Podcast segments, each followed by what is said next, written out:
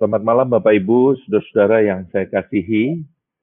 Kita bersyukur Tuhan memberikan kita kembali kesempatan pada malam hari ini untuk sama-sama mendengarkan kebenaran firman Tuhan. Selamat bergabung kembali Bapak Ibu saudara-saudara dalam acara kita, obrolan kehidupan talk show. Tentu kita bicara obrolan, eh, memang kesannya kita santai, kita akan berbincang-bincang tetapi tentu berisi membahas firman Tuhan yang sangat solid tentunya, yang bisa mendarat dan sangat aplikatif dalam kehidupan kita. Pada malam ini Bapak Ibu Saudara-saudara, saya tidak sendirian, tetapi pada malam hari ini saya ditemu ditemani oleh seorang narasumber yang saya yakin Bapak Ibu Saudara-saudara sudah mengenal beliau. Pada malam ini Syukur ada Bapak Pendeta Yones Adri Hartopo di tengah-tengah kita. Selamat malam Pak Adri. Malam, malam semuanya. Baik, terima kasih Pak Adri di tengah kesibukannya tetapi mau menjadi narasumber kita pada malam hari ini. Ya, sama-sama Pak Randy. Ya, uh, baik Pak Adri, uh, memang Pak Adri ini yang kedua di dalam acara kita ya dari tahun yang lalu obrolan kehidupan talk show Pasti banyak yang sudah tahu dan juga terima kasih Pak Adri selalu juga membantu kami dalam uh, menyampaikan firman Tuhan juga di mimbar kami di GKBC Kelapa Gading. Dan tentu juga didengar oleh banyak saudara-saudara yang di pos kami juga Pak, yang di Kerawang, yang di Solo, dan tentu jemaat GKBJ secara uh, luas dan juga saudara-saudara yang ada di Indonesia ataupun yang ada di luar negeri. Tapi pada malam hari ini Pak Adri saya izin untuk memperkenalkan kembali Pak Yones Adri ya. Baik. Bapak Ibu Saudara-saudara, Pendeta Yones Adri Hartopo mendapatkan gelar sarjana teologi dari STT Saat Malang tahun 1991 dan mendapatkan gelar MDiv di Westminster Theological Seminary Philadelphia, Amerika dan pada tahun 1996 ya. Dan PhD juga di Westminster Theological Seminary pada tahun 2005 dan uh, tahun 2015 sampai 2016 kembali uh, menjadi visiting scholar di Fuller ya Pak ya. Theological Seminary Pasadena Amerika Serikat. Jadi tentu saya yakin dengan pengalaman akademik yang beliau punya dan juga pengalaman layanan. Dan pada malam hari ini tentu akan memberkati kita semua ya. Jadi pelayanan Pak Yones Adri eh, beliau menjadi rektor atau ketua SPT Amanah Agung tahun 2001 sampai 2009 lalu kemudian direktur program pasca sarjana dan ketua studi eh, THM dan juga Emin. Dan saat ini menjadi Ketua Umum Sinode GKY dari 2018 ya Pak ya sampai pada saat ini. Baik saudara-saudara yang saya kasih, mari kita berikan aplaus terlebih dahulu kepada pembicara kita, narasumber kita khususnya pada malam hari ini. Dan juga Bapak Ibu saudara-saudara dalam acara ini obrolan kehidupan talk show saya juga ingin menyapa Bapak Ibu Saudara-saudara yang mengikuti obrolan kehidupan Tokyo pada malam hari ini dan juga dalam kesempatan ini Bapak Ibu Saudara-saudara uh, bisa berpartisipasi ya, boleh mengajukan pertanyaan uh, ataupun respon di dalam obrolan kami ya di dalam channel ya, YouTube GKBC Kelapa Gading. Sekali lagi bisa menulis pertanyaan di YouTube channel GKBJ Kelapa Gading. Bapak Ibu, saudara-saudara yang saya kasihi, tentu kami berusaha untuk menjawab eh, pertanyaan-pertanyaan Bapak Ibu, saudara-saudara. Ya, pada malam ini walaupun kami berdua di layar berbincang-bincang, tapi kami sangat mengharapkan respon dari Bapak Ibu, saudara-saudara, tentu akan memperkaya obrolan kita pada malam hari ini. Baik, untuk mempersingkat waktu tentunya, pada malam hari ini kita akan langsung saja bahas masuk kepada topik pembahasan kita, yaitu kita akan bicara makna di balik angka, khususnya kita akan berbicara berkaitan dengan kitab Wahyu. Nah, Pak Adri, kalau kita melihat kitab Wahyu ya, tentu kitab Wahyu ini adalah salah satu kitab yang uh, cukup kalau kita bilang uh, boleh saya pakai istilah ya kontroversial ya. Uh, paling sulit kadang dipahami mungkin ya di dalam perjanjian baru gitu ya. Sampai kadang juga ada beberapa tokoh reformator ya mereka juga memperbincangkan kitab ini ya. Misalnya Luther bahkan mengatakan bahwa ya kitab ini dalam anti anti legomena begitu ya ya mungkin juga sesuatu yang diperdebatkan. Nah kenapa seperti itu Pak Adri? Mungkin bisa memberikan kita sebuah penjelasan untuk coba mengertinya begitu. Ya ya selamat malam ya rekan-rekan sekalian. Uh, ya, mau tidak mau kita harus akui ya bahwa kitab Wahyu itu memang adalah kitab yang sulit begitu ya. Uh, kalau saya coba uh, apa ya gambarkan reaksi dari orang-orang umumnya tentang kitab Wahyu, hmm. itu mungkin saya bisa kategorikan ada tiga reaksi yang menurut saya uh, tidak seharusnya, begitu ya. Hmm. Hmm. Reaksi yang pertama itu adalah ada orang yang suka sekali kitab Wahyu, tapi sukanya itu dalam pengertian uh, apa ya? Sepertinya mencari-cari kode-kode tertentu berkaitan dengan kejadian-kejadian di dunia dan lebih khusus lagi mungkin berkaitan dengan hal-hal akhir zaman. Jadi menganggap bahwa kitab Wahyu ini memang adalah kitab yang isinya secara total itu adalah tentang akhir zaman. Dan karena ditulis dengan bahasa-bahasa yang sepertinya memakai uh, ungkapan-ungkapan simbolis, maka orang-orang seperti ini berusaha untuk uh, apa ya mengcrack begitu yang membuka kode-kode ini hmm. untuk mengetahui apakah uh, kitab Wahyu itu berisikan rahasia-rahasia akhir zaman. Ya. Uh, nah ini ini ini mungkin yang pertama.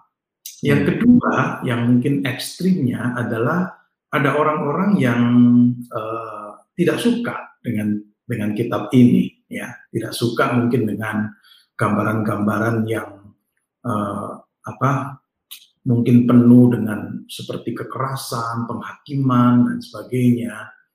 Hmm. Uh, tidak menutup kemungkinan, ini dugaan saya ya, dugaan saya adalah Martin Luther itu juga mengalami kesulitan ya pada waktu memahami hmm. wahyu ini sehingga memang ketika dia uh, apa yang menerjemahkan atau mencoba untuk memahami juga kitab ini memang dianggap ini salah satu kitab yang menurut dia itu ya harusnya nggak masuk kanon tetapi ya, ya tetap masuk begitu jadi debatable ya hmm. Nah, itu yang hmm. disebut sebagai uh, eh, anti legomena ya hmm Karena mungkin juga dia merasa bahwa kok isinya berbeda, misalnya dengan katakanlah uh, tulisan-tulisan Paulus mengenai mm. Injil, ya, mengenai Gospel, kok sepertinya Injil atau Gospel itu nggak muncul di Kitab Wahyu, atau mm. mungkin pemaparan tentang Kristus kok berbeda seperti yang dipaparkan baik di Kitab Injil ataupun di surat-surat. Nah, mungkin alasan-alasan itulah yang membuat uh, orang seperti Martin Luther atau orang-orang tertentu lainnya itu uh, mungkin kita kategorikan ya sekali lagi ini pengkategoriannya adalah uh, tidak terlalu uh, suka dalam arti merasa kok kok ada kitab seperti ini ya di dalam Alkitab begitu loh.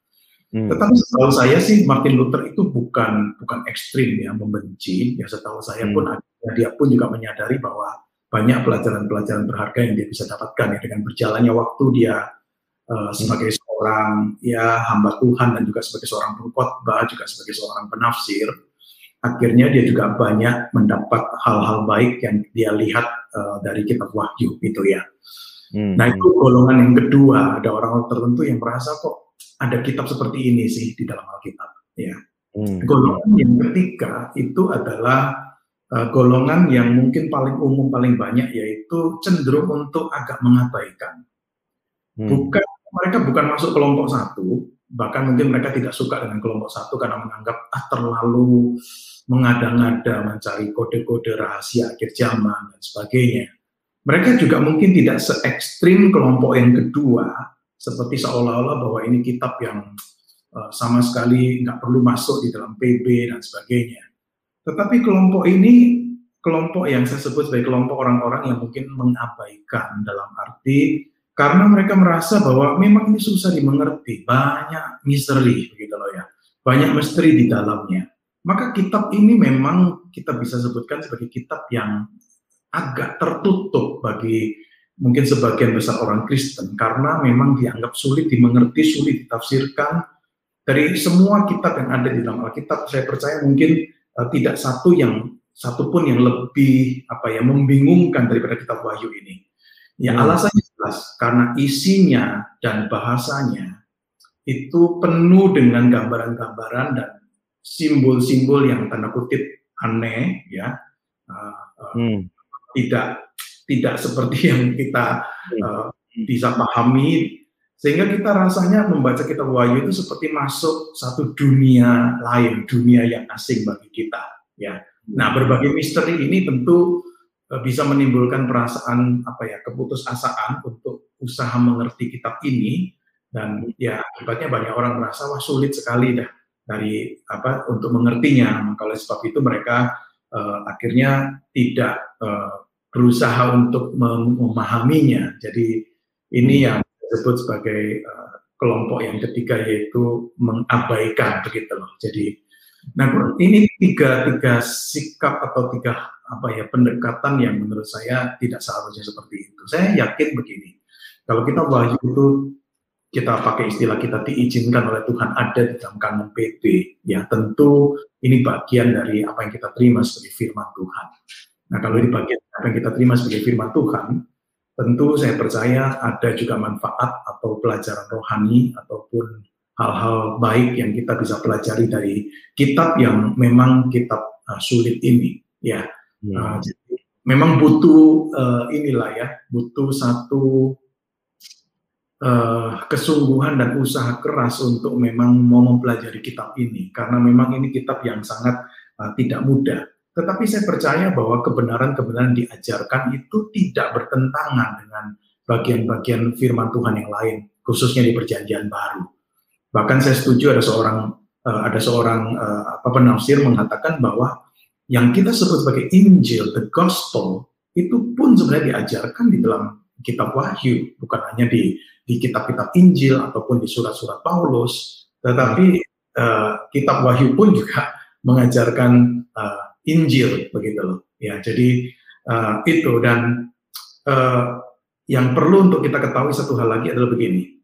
Kitab Wahyu itu di pasal 1 ayat yang ketiga itu eksplisit sekali uh, mengatakan bahwa uh, ada berkat ya bagi orang yang membaca, mendengarkan dan menuruti apa yang tertulis di dalamnya. Wahyu pasal 1 ayat 3 berbahagialah ia yang membacakan dan mereka mendengarkan kata-kata nubuat ini dan yang menuruti apa yang tertulis di dalamnya. Begitu. Jadi menawarkan berkat begitu. Ini satu-satunya kitab yang boleh dikatakan secara eksplisit berani menjanjikan berkat untuk mereka yang membaca, mendengarkan dan menuruti ya. Nah, eh, hmm. kita kalau yakin kebenaran tulisan ayat pasal 1 ayat 3 ini ya tentu juga ada berkat yang tersedia untuk kita kalau kita mempelajari kitab ini dengan dengan lebih mendalam. Ya, hmm. Ya, jawaban saya Pak Randy. Iya, terima kasih Pak Adri. Jadi memang ada tiga respon ya terhadap kitab Wahyu. Satu sangat suka sekali karena memang coba wah ini banyak kode-kode nih ya bisa disingkapkan, dikait-kaitkan seperti begitu. Yang kedua ya ekstrim ya karena memang gambaran-gambarannya ya di dalam kitab Wahyu ketiga itu ya orang tuh mengabaikan. Seharusnya sikap kita itu harusnya sama ya Pak terhadap kitab Wahyu dengan kitab-kitab yang lain begitu. Harusnya seperti begitu kan Pak Adri betul. Iya, jadi artinya semangat yang sama kita terapkan untuk kita mulai juga. Meskipun kita harus akui kitab ini kitab sulit, begitu loh ya. Setiap kitab itu pasti ada tantangannya sendiri untuk kita pelajari. Ya meskipun tampaknya menurut kita nggak sulit, tetapi juga ada kesulitannya sendiri tersendiri. Tapi kita Wahyu memang tidak mudah, tetapi saya percaya kita harusnya apa ya memperlakukan sama dengan kitab yang lain. Jadi jangan sampai juga yang tadi saya katakan kelompok ketiga ini yang paling mungkin paling mayoritas agak mengabaikan karena wah susah dimengerti uh, apa rumit dan sebagainya sehingga kemudian nggak ada kemauan untuk untuk belajar sih. Saya semakin mempelajari kitab Wahyu semakin melihat begitu banyak kebenaran-kebenaran penting yang saya boleh katakan apa ya melengkapi gitu loh kebenaran-kebenaran yang sudah diajarkan di bagian uh, Alkitab yang lain di bagian perjanjian baru yang lain. Saya tetap hmm. melihat kalau Tuhan izinkan kita itu punya 66 kitab dalam Alkitab kita. Masing-masing kitab punya keunikan dan masing-masing kitab juga menyampaikan atau mengajarkan kebenaran dari perspektif yang saya percaya tidak bertentangan tetapi saling melengkapi. Nah, kita Wahyu tentu uh, melihat dari perspektif tertentu dari sesuai dengan uh, jenis literaturnya ya dan mengajarkan kebenaran-kebenaran yang saya percaya masih relevan sampai zaman sekarang ini. Bukan hanya tentang akhir zaman maksud saya. Hmm, hmm, hmm. ya, Pak kita Wahyu ini kan uh, sering disebut dengan kitab apokaliptik ya Pak ya. Nah, hmm boleh jelaskan Pak kira-kira kepada kami semua apa maksudnya dengan apokaliptik ini gitu Pak? Iya, uh, oke okay. sebelum menjawab itu langsung ya Pak Regi, saya uh, Pak Rendi, uh, saya mau sampaikan begini. Uh, Kitab Wahyu itu memang betul orang sering kali sebut ini literatur apokaliptik. Ya, ini keunikan uh, genrenya, jenis literaturnya. Tapi saya mau katakan lebih dulu begini sebelum menjawab pertanyaan tadi keunikan jenis literatur kitab Wahyu itu bukan hanya karena kitab ini adalah kitab literatur apokaliptik. Hmm. Tapi keunikan jenis literaturnya kitab Wahyu itu adalah karena kitab ini merupakan apa ya saya sebut gabungan atau kombinasi tiga jenis literatur. Hmm. Pertama itu adalah seperti satu surat. Kitab hmm. Wahyu kalau kita lihat di pembukaan dan penutupnya itu seperti satu surat, ada nama pengirim, ada nama penerimanya. Ya kalau kita baca model surat seperti surat Roma, surat Galatia, hmm. kan surat seperti itu. Ada salam pembukaannya juga. Ya, kasih hmm. karunia dan damai sejahtera menyertai kamu, pasal 1 ayat 4. Lalu juga ada berkat penutup di bagian akhirnya, pasal 22 ayat 21 itu. Kasih hmm. karunia Tuhan Yesus menyertai kamu sekalian. Nah ini surat seperti satu surat yang ditujukan kepada tujuh gereja, ya tujuh gereja hmm. yang ada di di daerah uh, Asia kecil waktu itu, ya yaitu Efesus, Smyrna, Pergamus, Tiatira, Sardis, Philadelphia, Laodikia, ya dan uh, tampaknya si penulis ini cukup mengenal eh, gereja-gereja uh, ini, ya dan menyampaikan uh, apa tulisan ini atau surat ini kepada mereka ya, hmm. kepada tujuh jemaat ini yang memang benar-benar ada waktu itu di daerah provinsi Asia saat itu. Nah, kalau kita memahami ini, ini jenis apa literatur yang pertama yaitu ini sebagai satu surat. Itu pendekatan kita harus sama seperti misalnya waktu kita mempelajari surat Galatia. Supaya mengerti hmm. surat Galatia, kan kita perlu mencoba untuk merekonstruksi begitu loh. Apa sih hmm. latar historisnya? Hmm. Kenapa hmm. ini Kenapa sih dia mengatakan kalimat ini? Nah, kalau kita mengerti tentang uh, hal ini, maka kita bisa memahami kenapa di dalam pembelajaran kita Wahyu itu perlu juga kita itu menyelidiki latar belakang historis, khususnya hmm. tujuh gereja ini, jemaat-jemaat di tujuh gereja ini, apa yang mereka alami ini, begitu loh. Hmm. Ya, hmm. nah ini, ini jenis literatur yang yang pertama. Jenis literatur yang kedua itu adalah nubuat atau profesi. Ya kalau perhatikan itu paling tidak dalam catatan saya atau dalam hal yang saya dalam ingatan saya itu paling tidak ada lima kali disebut.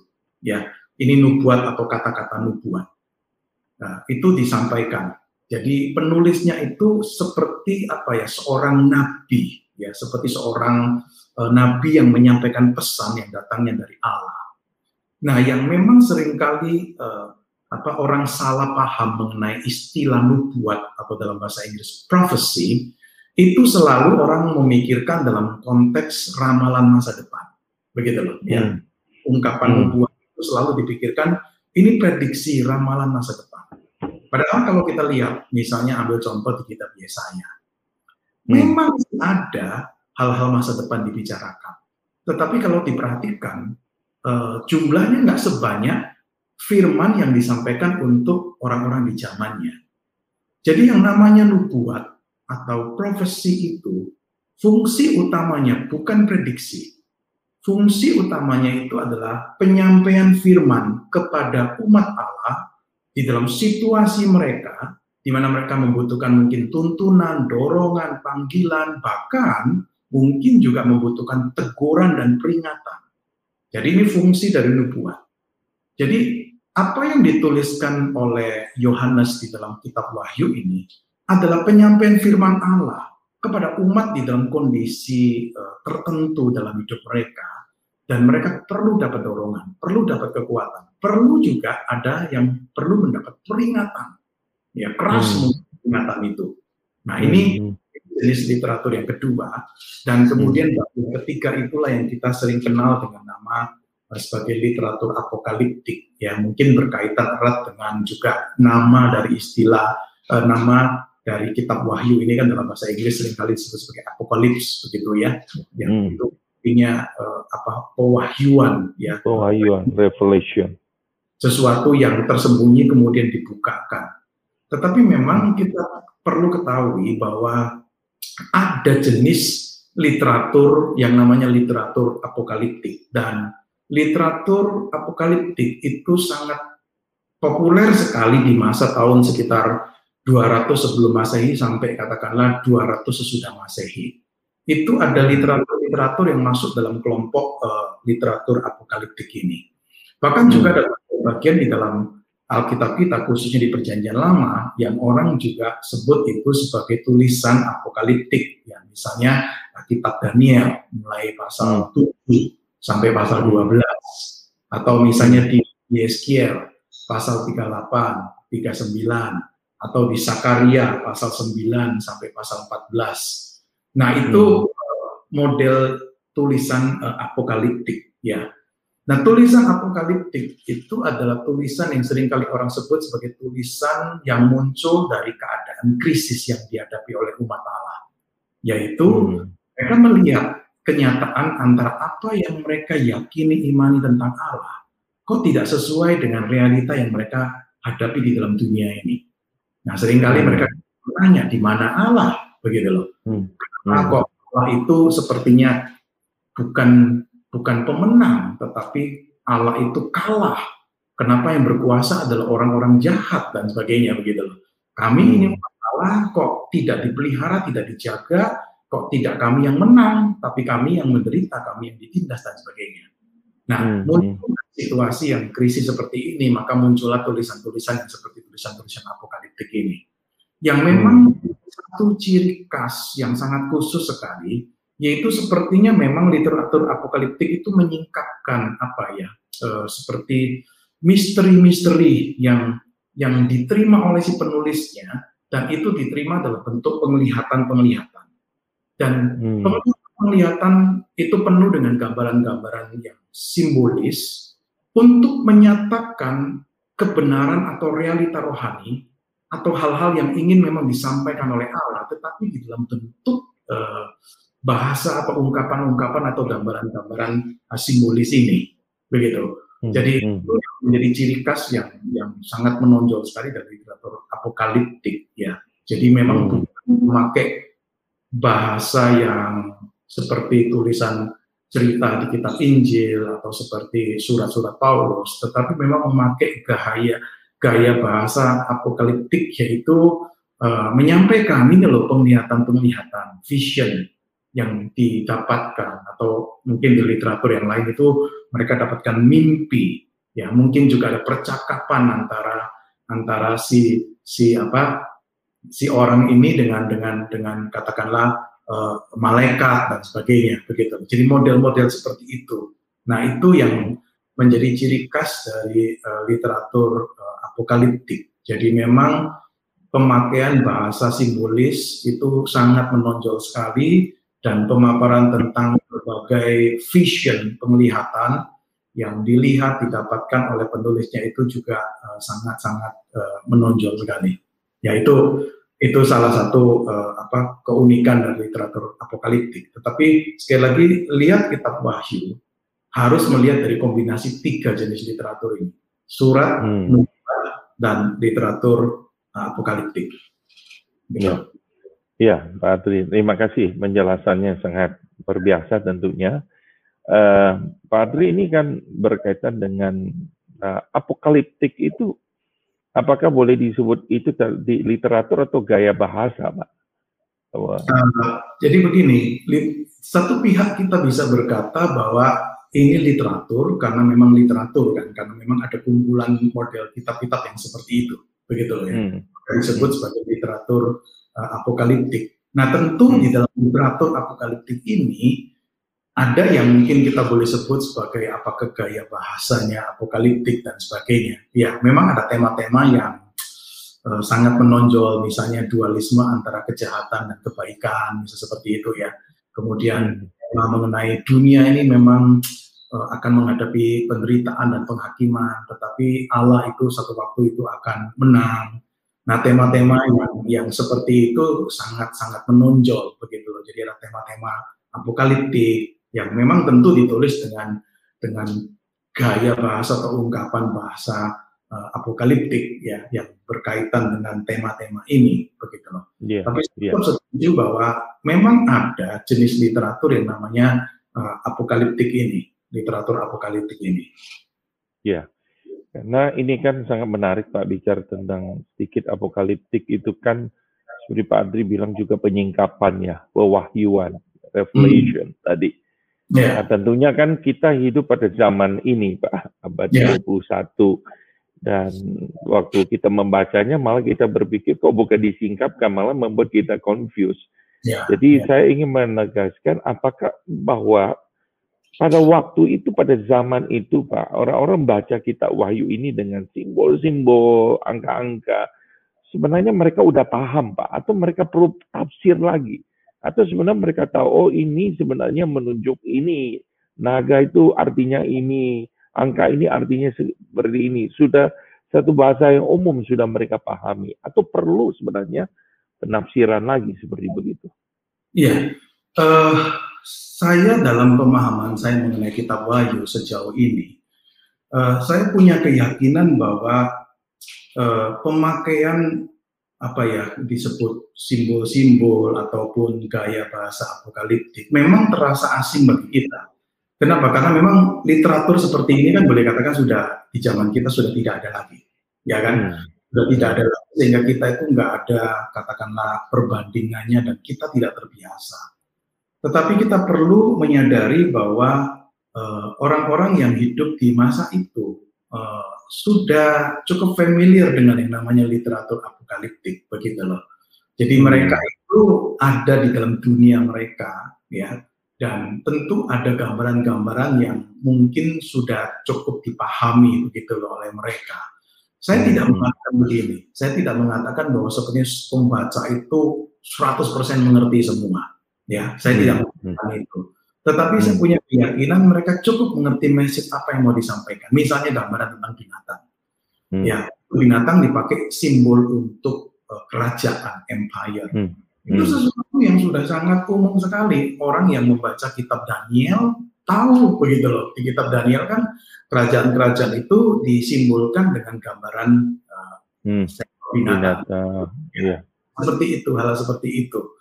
Jadi uh, simbolisme ini kan cuma alat komunikasi yang dipakai ya untuk menyatakan kebenaran ini. Jadi hmm. memang caranya adalah dengan cara seperti ini menyampaikan, pictorial, ber, bergambar hmm. seperti itu. Ya. Nah, kekuatan dari model gambar seperti ini ya tentu uh, ada keunggulannya dibandingkan dengan kata-kata, begitu ya. Hmm. Uh, hmm. Contoh perbandingan begini, uh, Pak Randy. Ada orang hmm. membandingkan dengan uh, ini sekali lagi perbandingan ini nggak sempurna ya. Iya. Gambaran-gambaran atau vision-vision yang dilihat oleh penulis kitab Wahyu, lalu hmm. kemudian apa yang dilihat dia tuliskan, itu ada yang membandingkan seperti kalau sekarang kita itu misalnya yang membaca majalah atau koran, lalu ada kartun-kartun politik, kartun-kartun politik, hmm. menggambarkan okay. sesuatu. begitu loh. Hmm. Dan itu kan kalau kita nggak hidup di zaman kita sekarang atau kita nggak hidupnya di Indonesia, lalu ada satu gambar kartun, uh, kita mungkin nggak akan ngerti apa message yang mau disampaikan. Ya, hmm. Hmm. seperti kalau ada kartun politik di negara Amerika Serikat, katakanlah antara kubu Republik dan Demokrat. Demokrat. Ini kan ada kartun-kartun yang menyindir dua kelompok ini, tetapi kita tahu kan dua kelompok ini disimbolkan dengan dua binatang yang berbeda, begitu. Hmm. Nah, lalu kemudian muncul gambaran dua binatang ini, uh, apalah mau digambarkan. Nah, kalau kita sama sekali memang tidak tahu dan tidak tinggal di Amerika dan tidak tahu konteks ini, kita melihat gambaran kartun politik itu nggak ngerti ngomong hmm. apa apa sih yang mau disampaikan begitu loh. Hmm. Hmm. Kalau orang Amerika melihat gambaran itu, gambaran dua binatang sepertinya diadu atau dua binatang hmm. itu berkelahi. Oh ini kubu Demokrat dan ini kubu Republik begitu loh. Nah, hmm. Gambaran seperti ini mungkin sekali lagi ini analogi yang dipakai ya menolong kita untuk juga memahami kita wahyu karena ini kan bahasa pictorial, bahasa hmm. bergambar. Muncul binatang hmm. ini, muncul binatang ini. Nah, kita hmm. yang hidup di zaman itu, di konteks waktu itu, ya tentu pasti bisa mengalami kesulitan untuk memahaminya. Tetapi untuk hmm. konteks orang seperti itu, mereka bisa menangkap message apa yang mau disampaikan melalui uh, apa gambaran-gambaran uh, simbolis ini. Itu. Hmm, iya, iya. Pak, apakah memang sebenarnya ada tujuan, Pak, orang pakai apokaliptik seperti begitu, Pak? Maksudnya yeah. bukannya menggambar jelas, tapi kemudian mungkin ya tidak berani mengungkapkan belak-belakan seperti begitu karena ada resiko uh, sehingga pakai seperti begitu, atau kemudian ada tujuan yang lain karena memang udah umum seperti begitu gitu loh. Jadi ya udah semua pakai gaya bahasa seperti begitu. Iya, uh, kalau tujuan yang tadi baru saja Pak Randy sampaikan, saya setuju. Karena kan begini, khususnya untuk kitab Wahyu ya. Kita tahu bahwa Yohanes penulisnya ini kan sedang diasingkan begitu ya di Pulau iya. Patmos karena firman. Yeah. Ya, apa pun uh, banyak perdebatan kenapa dia di, diasingkan ke sana. Tetapi tampaknya memang kan ada unsur dia menderita karena Injil, karena kebenaran. Hmm. Ya. Hmm. Nah, pada waktu dia ingin menguatkan jemaat-jemaat di tujuh gereja ini dengan message yang memberikan encouragement kepada mereka. Tetapi di pihak lain, uh, ada yang kita sebut mungkin semacam kritikan kepada pemerintah Romawi hmm. dengan kekuasaannya, tetapi juga dengan apa ya kejahatannya mungkin dengan segala tindak tanduknya. Dan ada kritikan yang ingin disampaikan meskipun itu mungkin tidak langsung frontal seperti itu. Tetapi hmm. melalui gambaran-gambaran ini, kritikan itu bisa di, di, disampaikan oleh gambaran-gambaran itu. Tapi tetap hmm. saya percaya tujuan utamanya adalah untuk pembacanya, begitu, bukan untuk pemerintah Romawi waktu itu atau kerajaan Romawi waktu itu. Tetapi hmm. pembacanya supaya mereka itu apa ya mendapatkan wawasan yang lebih lagi begitu loh tentang sebenarnya apa yang terjadi begitu loh. Jadi hmm. kitab uh, literatur apokaliptik seperti kitab Wahyu itu punya satu kekuatan begini, bukan sekedar karena uh, gambar gambaran simbolis itu bisa berbicara lebih apa ya kuat daripada sekedar tulisan-tulisan biasa, tetapi juga ada unsur penyingkapan begitu loh, supaya hmm. Allah yang sedang berada dalam keadaan krisis ini, mereka nggak hanya kemudian terpaku melihat berdasarkan mata fisik mereka, Waduh iya ya, kita umat Allah kok mengalami kesulitan, kita umat Allah kok ditindas, kita umat Allah hmm. kok mengalami ini mengalami itu, di mana Allah dan sebagainya. Hmm. Kenapa hmm. pemerintah Romawi yang berkuasa? Kenapa kaisar yang berkuasa? Kenapa hmm. banyak orang-orang yang mengikuti aturan pemerintah Romawi, mengikuti tata cara agama mereka, mereka justru justru jadi sukses, jadi kaya dan sebagainya. Nah hmm. ini penglihatan mata fisik, begitu loh. Hmm. Hmm. Tetapi Wahyu ingin menunjukkan membuka tirai begitu untuk melihat apa yang sebenarnya terjadi di balik ini. Siapa sebenarnya hmm. pemerintah Romawi itu? Apa yang mereka hmm. akan alami? Bagaimana nasib orang-orang yang katakanlah kompromi dengan pemerintah Romawi di dalam banyak aspek kehidupan mereka. Jadi hmm. wahyu itu menyingkapkan realita atau melihat realita itu dari perspektif surgawi di atas. Kalau kita kan melihat dari perspektif duniawi ya mata fisik hmm. kita Tetapi dengan si Yohanes ini, si penulisnya ini dibawa naik ke surga di mulai di pasal yang keempat begitu ya. Ditunjukkan ini loh sebenarnya realita di balik apa yang terjadi. Bukan hanya dilihat dari perspektif surgawi, tetapi hmm. juga melihat dari perspektif masa depan, eskatologis. Ini loh hmm. nanti untuk orang-orang yang setia akan masuk ke langit bumi baru, tetapi untuk orang-orang yang uh, apa tidak setia atau orang-orang yang kompromi akan mengalami seperti ini bersama dengan dengan naga dan bersama dengan binatang itu akan dilemparkan dalam lautan api.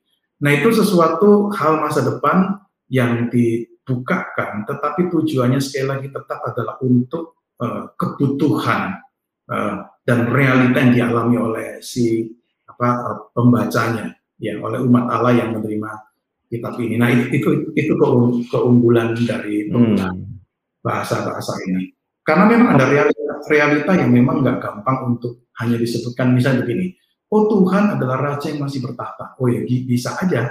Tetapi kalau hmm. mau gitu dengan bahasa simbolis, waktu melihat penglihatan di surga, ada tahta di surga dan sebagainya. Kemudian itu tuh gambaran yang lebih bicara lebih powerful ya membawa imajinasi mereka itu untuk membayangkan kebenaran itu, bukan sekedar cuma statement uh, Allah adalah raja begitu aja. Hmm. Apakah bisa Pak kita lihat misalnya kita wahyu itu seperti sebuah cicipan sih Pak tentang tentang apa masa depan tentang surga tuh gimana Tuhan tuh bagaimana gitu iman kita nantinya bagaimana sehingga kemudian dikasih oke okay, yuk dibukakan sedikit penyingkapkan. Cicipan dulu dilihat karena kalau kita lihat kan uh, Yohanes Rasul Yohanes ini kan dia melihat kan Pak dia melihat aku melihat. Seperti yeah. itu bukan Pak bisa dikatakan seperti itu kalau kita mengerti kita wahyu sehingga jemaat bisa melihat oh iya di tengah penderitaan ini Tuhan kasih singkapkan nih ada sebuah cicipan gitu. Tes apa yeah. bisa seperti begitu Iya, tapi tetap kembali yang seperti tadi saya katakan ya, bahwa tujuan katakanlah kalau ada pun penyingkapan tentang hal yang berkaitan dengan masa depan, tujuannya bukan supaya kemudian orang itu memprediksikan ini kapan terjadinya, ini peristiwa apa sih dan sebagainya. Tidak. Tetapi hmm. penyingkapan masa depan itu bertujuan untuk audiens mula-mulanya supaya mereka itu mendapatkan encouragement, mendapatkan hmm. kekuatan, tetapi juga ada yang uh, ditegur dengan keras melalui penglihatan yang ditunjukkan, vision yang ditunjukkan itu, begitu loh. Hmm. Itu. Hmm.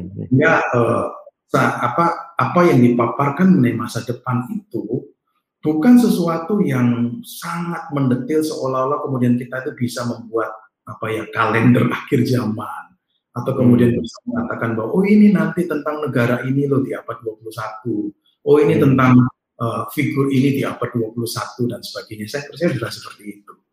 Begitu. Hmm. Itu gambaran yang yang uh, sangat umum digambarkan, tapi ya betul juga kalau Pak Reddy tadi mengatakan adalah tirai yang disingkapkan sedikit untuk melihat. Jadi misalnya hmm. waktu menggambarkan tentang uh, apa itu new heaven and new earth, hmm. langit, yeah. yeah. gitu loh. Memang kita nggak nggak tahu sesungguhnya nanti gimana sih tetapi ada hal yang memang ya cicipan awal yang ditunjukkan ya dengan gambaran bahwa pintu gerbangnya dari batu permata, jalanannya dari emas, tidak ada tangisan, tidak ada ini. Nah, paling tidak kita menggambar, me, membayangkan sesuatu tentang apa yang mungkin kita sebut sebagai ini loh kebahagiaan. Tapi hmm. realitas sesungguhnya ya nanti waktu kita sungguh-sungguh memasuki uh, uh, era itu, ya. Iya, iya. Baik, ini menarik tadi kan Bapak bilang wahyu ada surat, ada nubuatan, ya profesi, lalu apokaliptik. Nah tadi Pak Adri bilang nubuatan gitu ya, tapi nubuatan itu bukan memprediksi masa depan, tetapi walaupun itu ada, tapi lebih kepada firman untuk orang-orang pada zaman itu begitu. Iya. Yeah. Uh, tapi apakah memang sebenarnya Pak Adri percaya namanya ada prinsip dalam Alkitab bilang double fulfillment gitu, Pak. Penggenapan ganda artinya iya buat zaman itu iya. Tapi nanti buat kita juga sekarang baca itu terjadi nih penggenapan seperti begini gitu. Karena ada orang coba uh, memahaminya seperti begitu gitu, Pak. Iya, hal-hal yang dibicarakan atau kalau kita sebut sebagai masuk dalam kategori prediksi di dalam kitab Wahyu itu ada. Yang paling jelas tentu adalah kedatangan uh, Yesus yang kedua kali. Ya, itu jelas. Hmm. Itu peristiwa yeah. itu. Mereka umat Allah waktu itu tunggu kita pun sampai sekarang juga menunggunya. Penghakiman terakhir juga sesuatu yang kita tunggu. Ya, uh, langit dan bumi baru sesuatu yang sama-sama kita dengan mereka.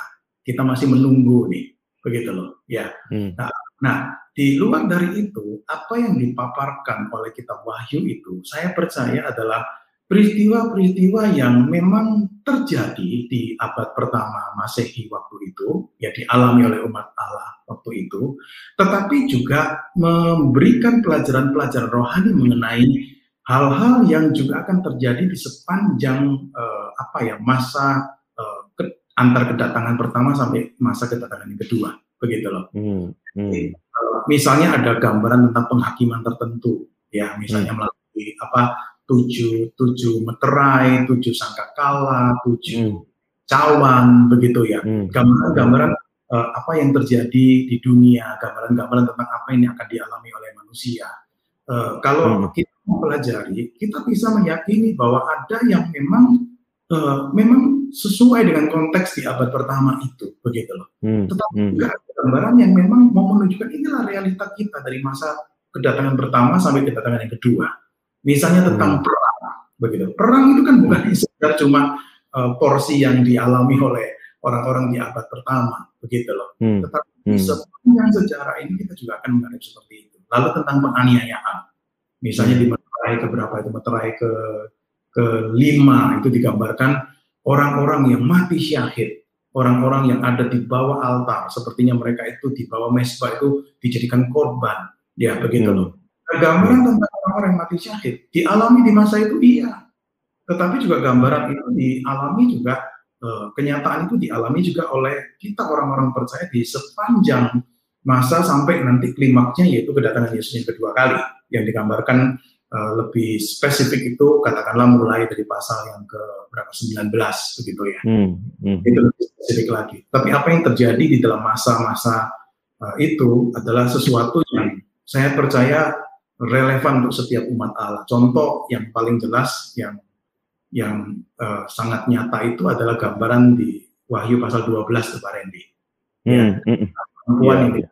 naga ya kan kemudian yeah. mau bunuh anaknya ini tapi anak ini dibawa naik ke surga selalu sang yeah. naga marah dia memerangi keturunan perempuan ini nah hmm. itu risetnya jelas sekali gitu loh ini si setan uh, itu bekerja luar biasa selalu bertujuan untuk menghancurkan umat Allah nah dialami hmm. oleh orang di zaman itu dialami juga oleh eh, kita orang-orang yeah. sekarang dengan berbagai macam cara Lalu masuk ke pasal 13 dikatakan ada dua binatang yang muncul. Mm-hmm. Nah itu itu gambaran simbolis apa? Nah satu pihak kita bisa mengatakan oh ya itu kerajaan Romawi waktu itu.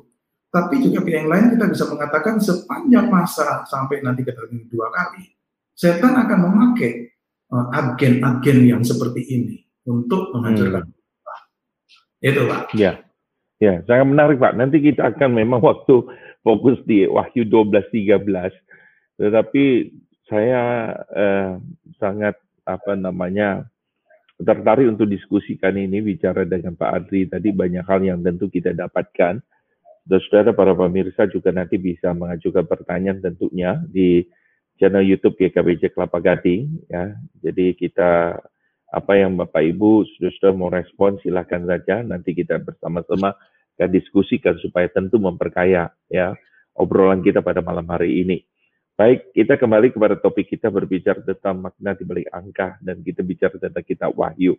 Sebelum saya ingin masuk kepada uh, wahyu 12, wahyu 13 yang memang kita nanti akan coba bicarakan Pak. Uh, apakah kitab wahyu itu dimengertikan ada ada dua orang mengatakan kitab wahyu itu apakah dipahami sebagai ini uh, sampai kepada satu puncak seperti seperti sebuah penyingkapan yang semakin dalam semakin dalam atau sebenarnya ini hanya seben, uh, ini Pak bahwa terjadi uh, ya perperangan intinya lalu menang kembali lagi cerita tentang peperangan dan menang bukan bicara tentang sebuah progresif seperti begitu. Iya, uh, saya memahami kitab Wahyu seperti itu, Pak Randy.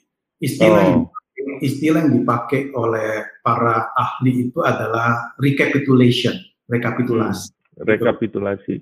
Ya, jadi bukan bersifat uh, apa linear progresif maju dari peristiwa satu menuju peristiwa lain. Dua. Ya. Jadi artinya ini penglihatan-penglihatan yang dilihat oleh Yohanes ya di Pulau Patmos ya. yang dia tuliskan dan dia masukkan dalam kitab Wahyu itu kemudian jangan diidentikan dengan penggenapannya atau realitanya itu juga bersifat kronologis. Misalnya oh, okay. pasal 4, eh, penglihatan pasal 5, kemudian hmm. penglihatan pasal 6. Misalnya ya.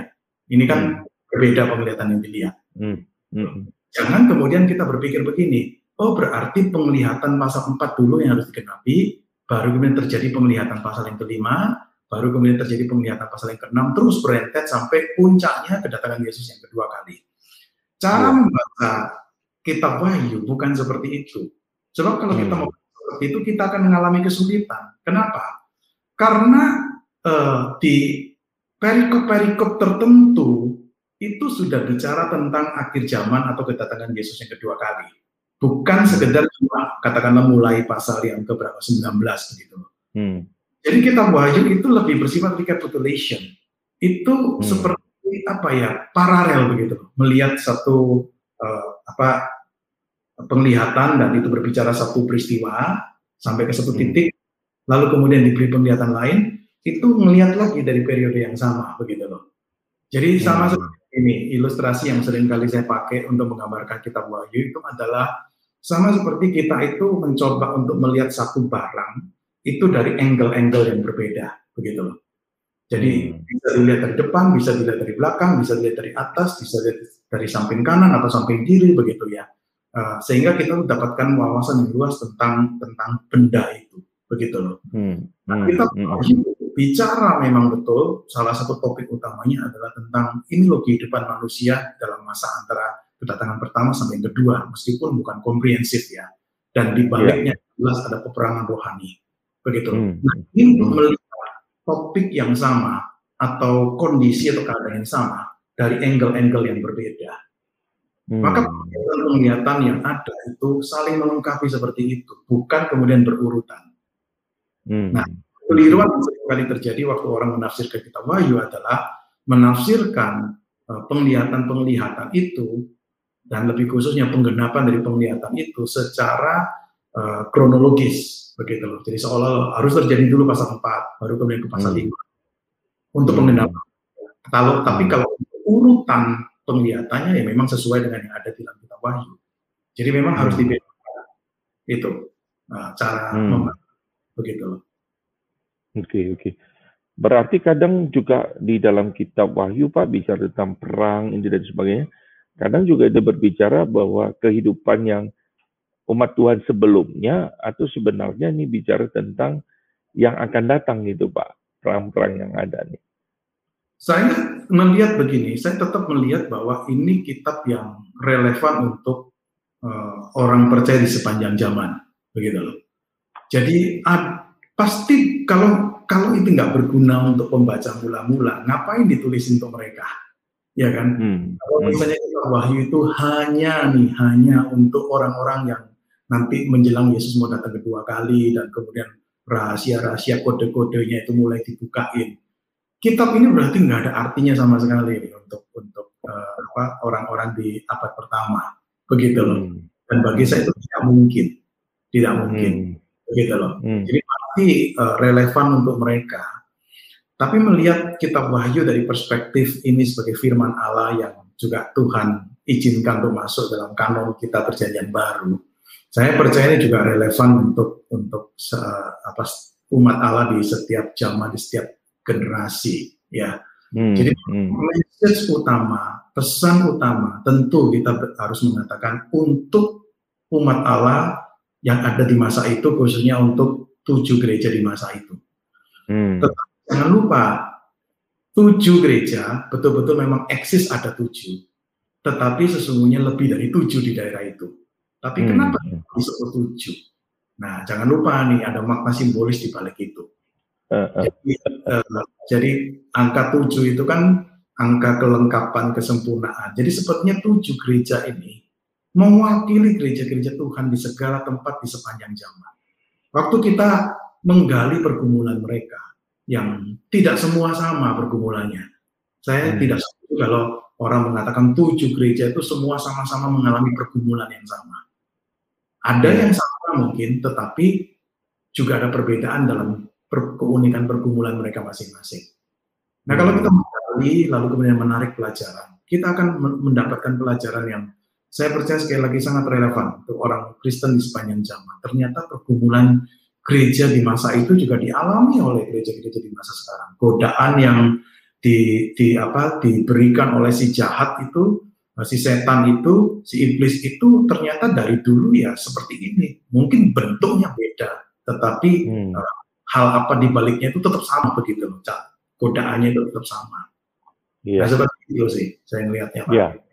Iya, Pak Andri. Terima kasih. Saya uh, ingin masuk nih Pak kepada topik yang kita bicara tadi Pak Adri sudah memberikan sebuah gambaran yang sangat menarik ya uh, bagaimana kita memahami tentunya kitab Wahyu ini ya walaupun di sini ada juga Pak Arianto yang bertanya sebagai jemaat orang awam bagaimana kita bisa membaca dan mempelajari memahami kitab Wahyu dengan tepat Tadi mungkin sudah dijelaskan sedikit oleh Pak Adri ya mengenai hal ini. Uh, apakah Pak Adri mau tambahkan atau kita bisa lanjut mengenai ini ya. komentar dari Pak Arianto? Uh, ya, tadi sudah beberapa ya jawaban saya meskipun memang apa enggak enggak secara apa sistematis ya, tetapi sudah bisa melihat beberapa poin penting. Uh, poin penting untuk menafsir itu jelas pertama kita harus tahu situasi historis pembaca mula-mula. Mm -hmm. Itu nggak bisa ditawar-tawar Sebab ini gambaran-gambaran yang disampaikan itu sangat relevan untuk mereka. Maka kita perlu melakukan satu penggalian, ya pembelajaran untuk untuk tahu gimana sih sebenarnya kondisi umat Allah di zaman itu. Nah, hmm. kita tertolong banyak dengan begitu banyak riset yang dilakukan oleh para ahli, baik hmm. mengenai kehidupan beragama, kehidupan ekonomi, kehidupan sosial, eh, orang-orang yang ada di provinsi Asia waktu itu, dan bagaimana dengan uh, apa pemerintahan kerajaan Romawi di masa itu sehingga kita itu dapatkan background uh, apa studi ya pembelajaran background yang nolong kita untuk memahami lebih banyak lagi tentang konteks historisnya dan itu nolong kita untuk tahu kenapa misalnya ada kalimat seperti ini dalam kitab Wahyu atau ada visi seperti ini dalam kitab Wahyu itu hal pertama hmm. yang kedua prinsip penting yang kedua adalah jangan kita itu menafsirkan kitab Wahyu secara harafiah ya karena memang ini saya nggak sebut semuanya ya, tetapi memang mayoritas ini adalah bahasa simbolis begitu loh. Itu itu prinsipnya jelas sekali. Sebab kalau kemudian kita nggak konsisten untuk yang ini kita tafsirkan harafiah, untuk yang ini kita tafsirkan simbolis, wah akan sulit begitu. Saya ambil contoh lah. Penggunaan angka-angka itu juga simbolis kan. Tetapi juga ada yang kemudian memaksakan menafsirkan misalnya nih tentang angka hmm. seribu tahun di Wahyu pasal 20. Kemudian hmm. meyakini betul-betul ada nih kerajaan yang nanti lamanya seribu tahun. Hmm. Uh, nah, tapi di pihak yang lain mereka menafsirkan penggunaan angka-angka yang lain itu secara simbolis. Begitu ini hmm. yang tidak konsisten. Jadi hmm. harus dari keunikan genre ini dan uh, ya harus to the point menafsirkan tentang simbol-simbol ini dan menafsirkan simbol sekali lagi nggak bisa uh, lepas dari konteks masa itu kita jangan menafsirkan simbol dari konteks kita di zaman sekarang. Tetapi hmm. dari konteks zaman itu, kenapa ada gambaran binatang? Kenapa ada gambaran belalang? Kenapa ada gambaran uh, apa toko ini dan sebagainya? Begitu loh. Hmm. Jadi itu hmm. adalah belakangnya yang perlu untuk kita gali sehingga kita tuh dapat message-nya. Sama seperti contoh tadi loh Pak. Di negara hmm. Amerika Serikat bisa ada kartun politik dua binatang ya yang berbeda yeah. untuk menggambarkan kubu Demokrat Nah, kalau kita misalnya nggak tahu, ya kita selidiki. Ini gambaran apa yeah. ya? Kita selidiki ini konteks Amerika. Oh, ini kubu Demokrat. Oh, ini kubu Republik. Sehingga kita menangkap message itu. Nah, itu uh, itu hal penting di dalam kita memahami kita wahyu sehingga dari prinsip itu kita bisa narik pelajaran untuk kita di zaman sekarang. Jadi bukan memaksakan pemikiran kita di zaman sekarang untuk kemudian dipaksakan kita wahyu uh, bicara seperti itu atau harus bicara seperti itu Nah, itu itu yeah. apa? Ya. Yeah. Terima kasih Pak Andri dan tentunya uh, saya yakin bahwa pada malam hari ini kita yang ikuti obrolan kehidupan talk show ini tentu diberkati dan dibukakan banyak hal supaya kita bisa ketika baca kitab Wahyu ini bukan lagi memang mencintai dalam arti kode-kode ada dikait-kaitkan dan sebagainya atau kemudian bahkan kita menjadi orang yang justru ekstrim yang disebutkan tadi bahkan kemudian ya kita mengabaikannya karena memang susah Pak, untuk memahaminya kita diajar untuk memang mencintai sebagai memang dalam kanon ya 66 yang Tuhan berikan kepada kita. Nah, saya ingin dalam setengah jam ini kita bahas bicara mengenai uh, Wahyu 12 dan 13 ini Pak Andri ya, ya. yang menarik itu. Nah, uh, apa sih benar, benarnya maksud angka angka itu di dalam Wahyu khususnya Wahyu 12 dan 13 mungkin nanti bisa dikaitkan secara luas Pak. Misalnya kita waktu mulai membaca Wahyu 12 pun seperti Pak Yunus katakan tadi ada ada ada perempuan dan naga dan sebagainya dan dikatakan ada angka 12 begitu. Ya misalnya Eh, saya bacakan maka tampaklah sesuatu tanda besar di langit seorang perempuan berselubungkan matahari dengan bulan di bawah kakinya dan sebuah matahari dari 12 bintang di atas kepalanya ada angka lagi 12 lalu hmm. kemudian ada naga merah berkepala tujuh bertanduk sepuluh begitu lalu yeah. kemudian uh, apa perempuan itu lari ke padang gurun dan di atas kepalanya ada tujuh mahkota gitu ya lalu dipelihara di situ 100 eh, 1260 hari lamanya seperti begitu. Nah, kan yeah. kita ketika kita baca ini ini apa maksudnya yeah. gitu. Uh, ya, eh, prinsip dasarnya kembali seperti yang tadi saya sampaikan, Pak Randy. Yeah. Yaitu bahwa penggunaan bahasa simbolis itu mencakup uh, angka-angka. Hmm. Angka 3, angka 7, angka 10, itu cukup sering dipakai dan itu mau menggambarkan sesuatu yang lengkap, sesuatu yang komplit, sesuatu yang sepertinya wow itu sempurna, perfect ya atau penuh seperti itu ya.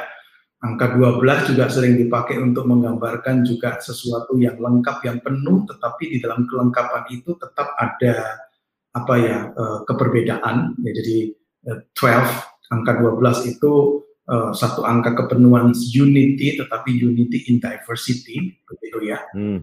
Angka 24 itu dipakai untuk simbol katakanlah untuk untuk untuk umat Allah ya 12 suku ditambah 12 uh, eh, apa rasul begitu ya. Nah, simbol-simbol hmm. seperti ini uh, ada ya di masa itu angka 1000 di itu adalah 10 kali 10 kali 10 begitu ya. Jadi uh, double dari apa hmm. perkalian 10 yang adalah angka sempurna mau menunjukkan sesuatu yang yang besar, yang luas atau yang panjang. Kalau angka 1000 itu mau menunjukkan satu periode yang yang memang sangat panjang sekali. Juga misalnya di pasal berapa itu ada angka 144 ribu, ya hmm. itu uh, uh, 12 kali 12 kali berapa? 10 kali 10 kali 10 gitu ya yeah. kalau kita mau harfiahkan yeah. seperti itu. Uh, memiliki makna untuk menggambarkan sesuatu yang begitu banyak dan sepertinya itu tidak tidak begitu loh. Nah, angka-angka seperti ini uh, perlu untuk dipahami dari dari perspektif seperti itu, Pak.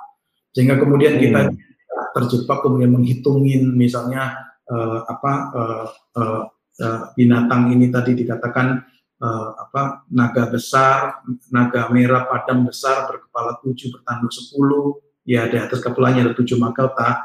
Ini memang mau menggambarkan sesuatu yang luar biasa.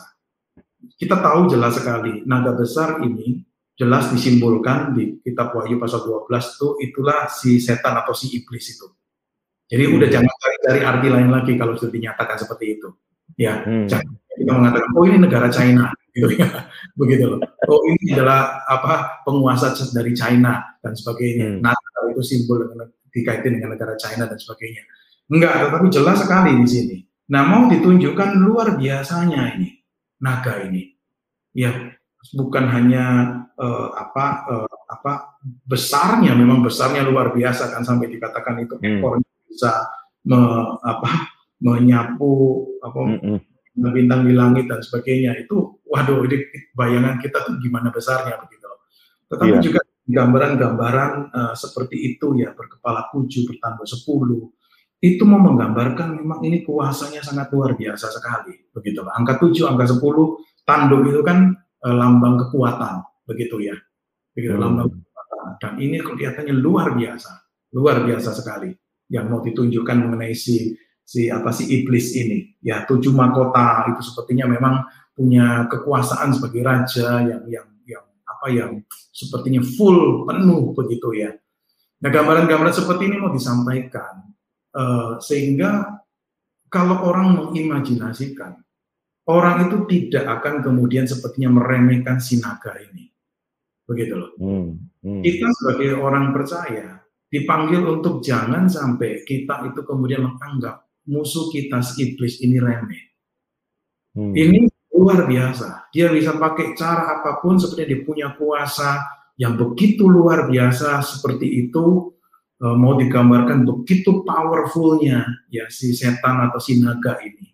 Uh, dia yang ada di balik segala peperangan rohani yang terjadi dan gambaran bahwa dia kemudian menyerang perempuan ini dan keturunan perempuan ini itu mengingatkan kepada kita semua peperangan rohani itu akan terus berjalan sampai akhir dan musuh yang kita hadapi ini musuh besar. Ini musuh yang powerful. Nggak boleh main-main. Kita nggak boleh anggap seperti mainan atau guyonan.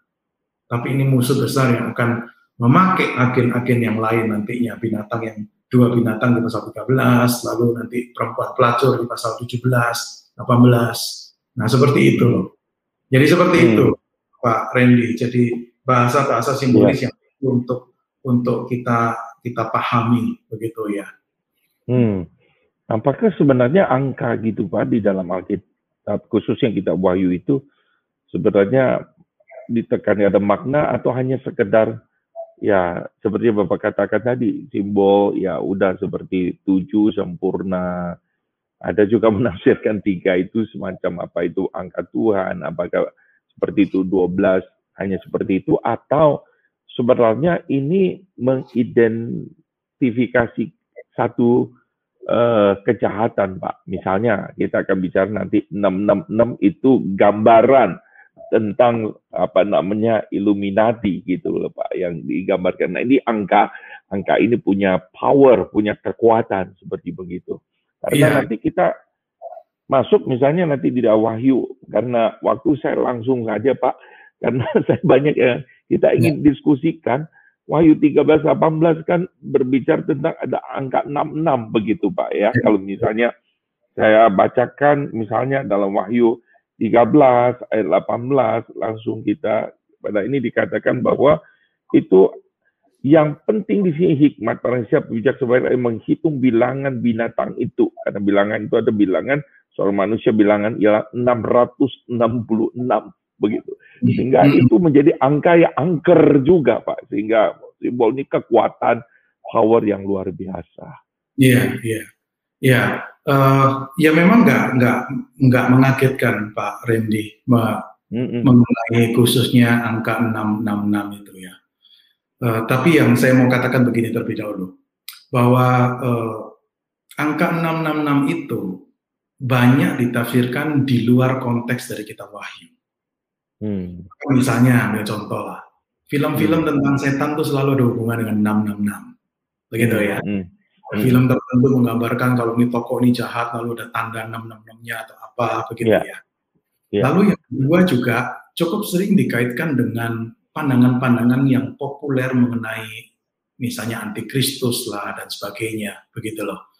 Sehingga kemudian muncul berbagai spekulasi mengenai apa itu 666. Tapi kalau hmm. kita konsisten ya dengan dengan cara memahami kitab Wahyu yang memang memakai gambaran bahasa simbolis termasuk penggunaan angka, maka kita harus juga menerapkan itu untuk penggunaan angka 666 begitu ya. Hmm. Hmm. Nah, hmm. kembali kepada prinsip dasar yang tadi saya katakan. Kita ini nggak boleh menafsirkan simbol itu di luar konteks apa yang terjadi ini dialami oleh pembacanya. Begitu. Hmm.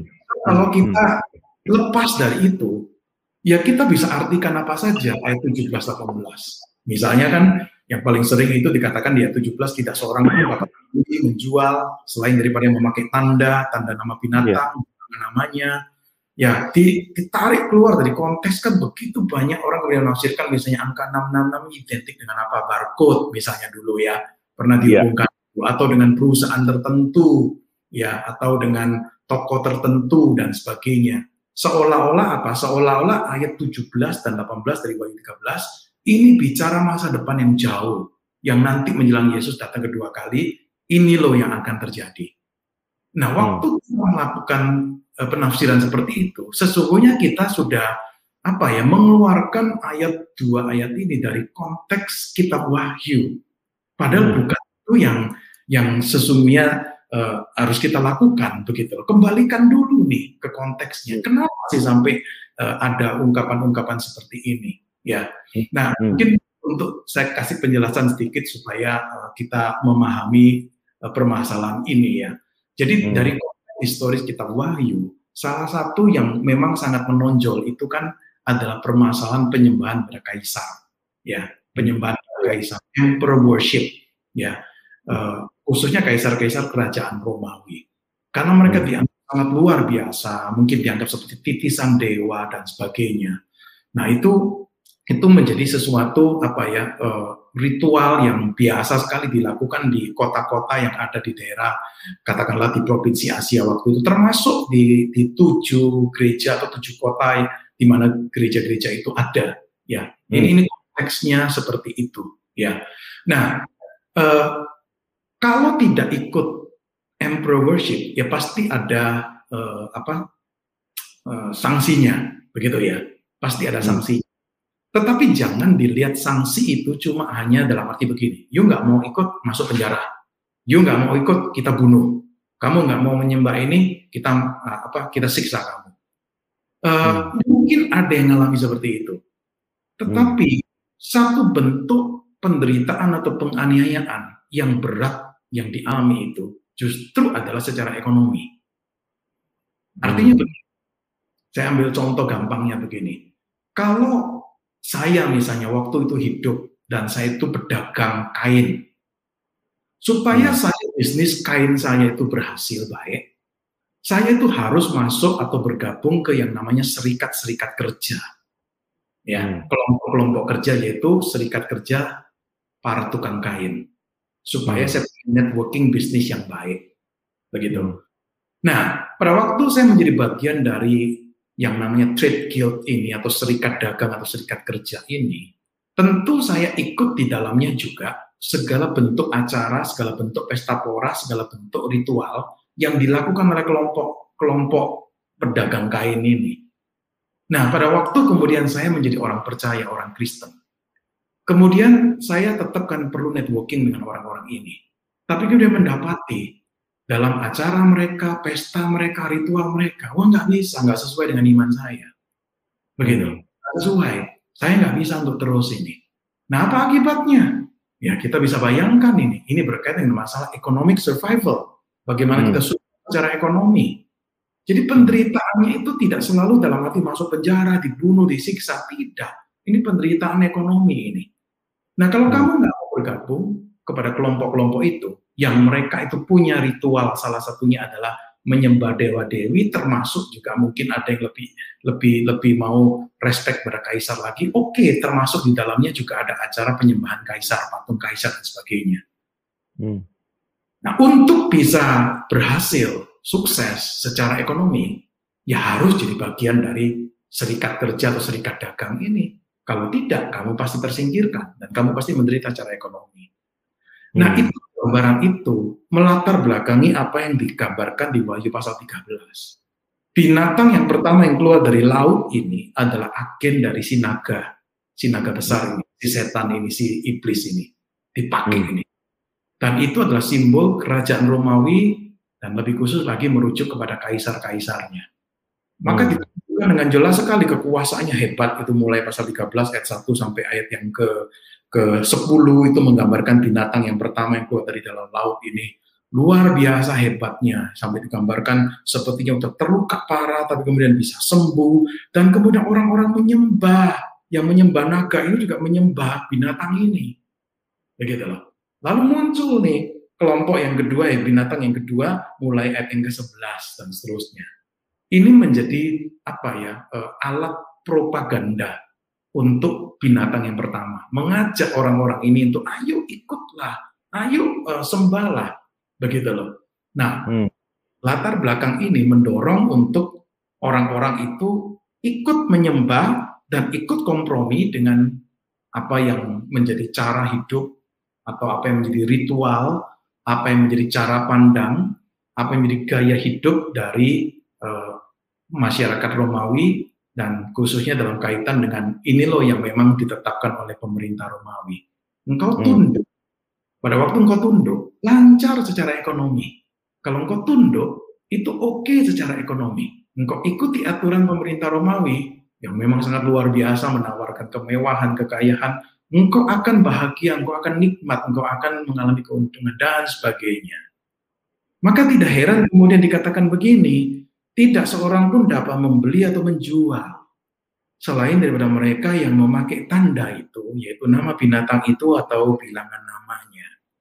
Hmm. Nah, pemakaian tanda, sekali lagi ini bahasa simbolis. Jangan lupa hmm. loh, di Wahyu itu juga umat Allah juga dikatakan diberikan meterai atau tanda kan.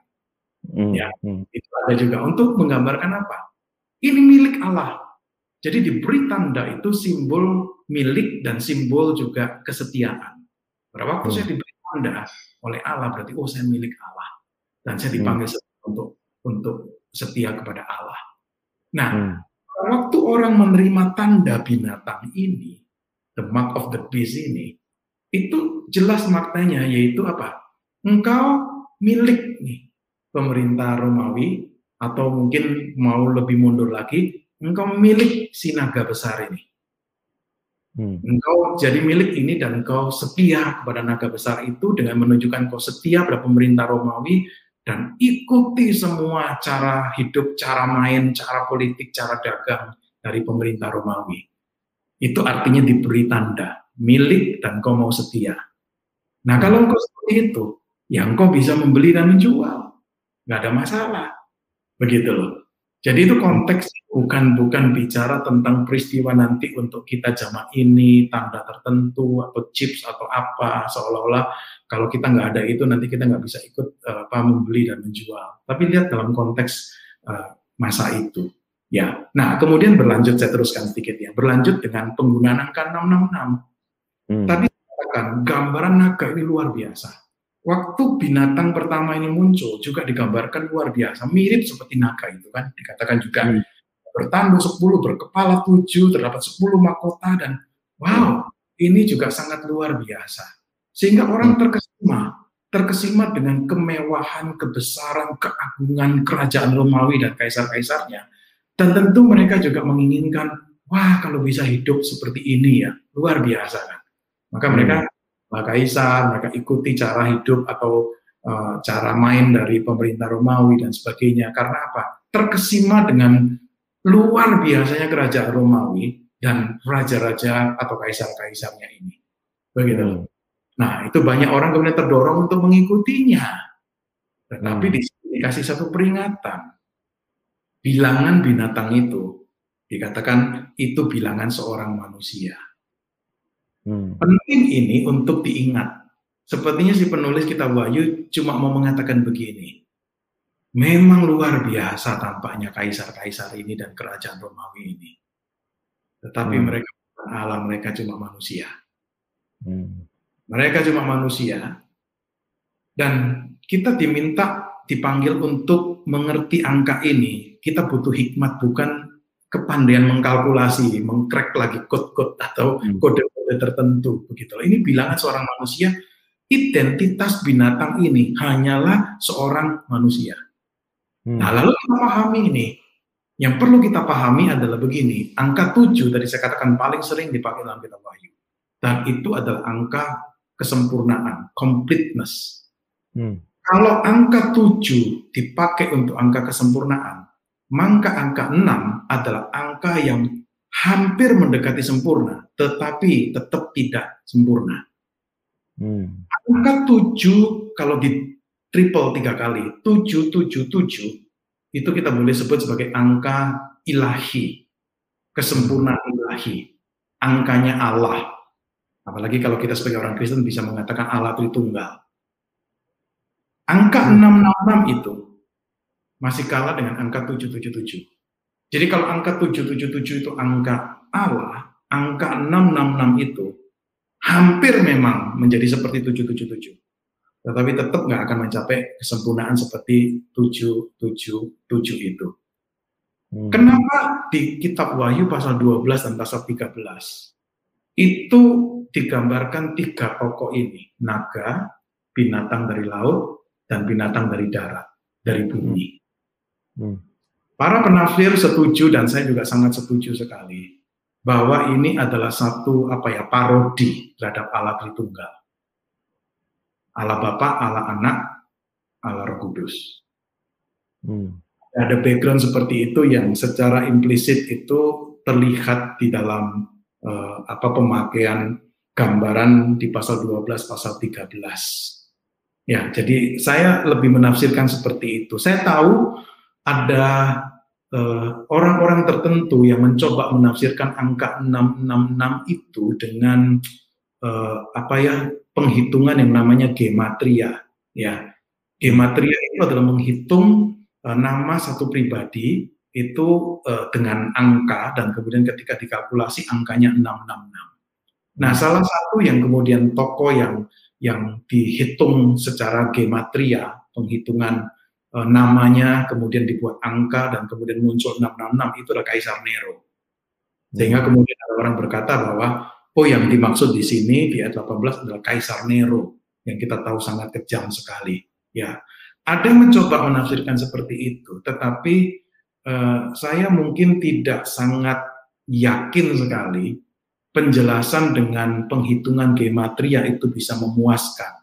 Ya, karena Mungkin ada nama lainnya juga kalau di kalkulasi-kalkulasi waktu itu juga 666 begitu loh.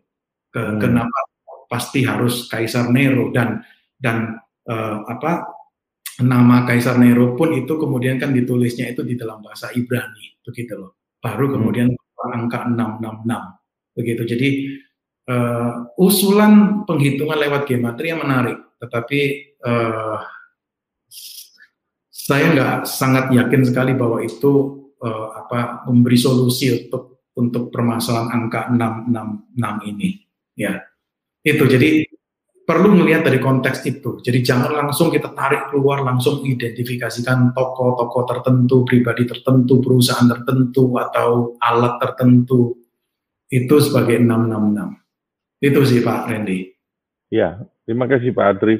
Uh, saya tertarik kalau kita misalnya lihat seperti apa yang Pak Adri jelaskan tadi, ini kan berkaitan juga kalau mereka yang tidak punya tanda itu tidak bisa membeli menjual selain mereka yang punya begitu ya. Hmm. Nah ini saya mau dalam konteks sekarang kan memang eh, menurut survei memang ada beberapa yang masih meragukan khususnya kita bicara tentang eh, vaksin ini nih Pak gitu ya. Kalau dulu kita bicara vaksin itu eh, dan, uh, apa namanya itu antikris dan sebagainya. Tapi saya mau kaitkan dalam pembahasan bagian kedua dengan Pak Adri ini. Ada orang mengatakan bahwa ya kita nggak mau divaksin tentunya dalam pertimbangannya khawatir karena satu barcode dan juga buktinya nanti kita terbang, kita nggak bisa belanja semua karena pas pemerintah mengumumkan juga kalau tidak ada ini nanti vaksin tidak boleh ke mall, ya lalu kemudian mungkin berangkat terbang akan susah sanksi-sanksi seperti begini. Nah ini sudah mendekat nih mengarah kepada antikris dan ini sudah puncaknya dan itu sebabnya kita tidak mau bagian dari itu.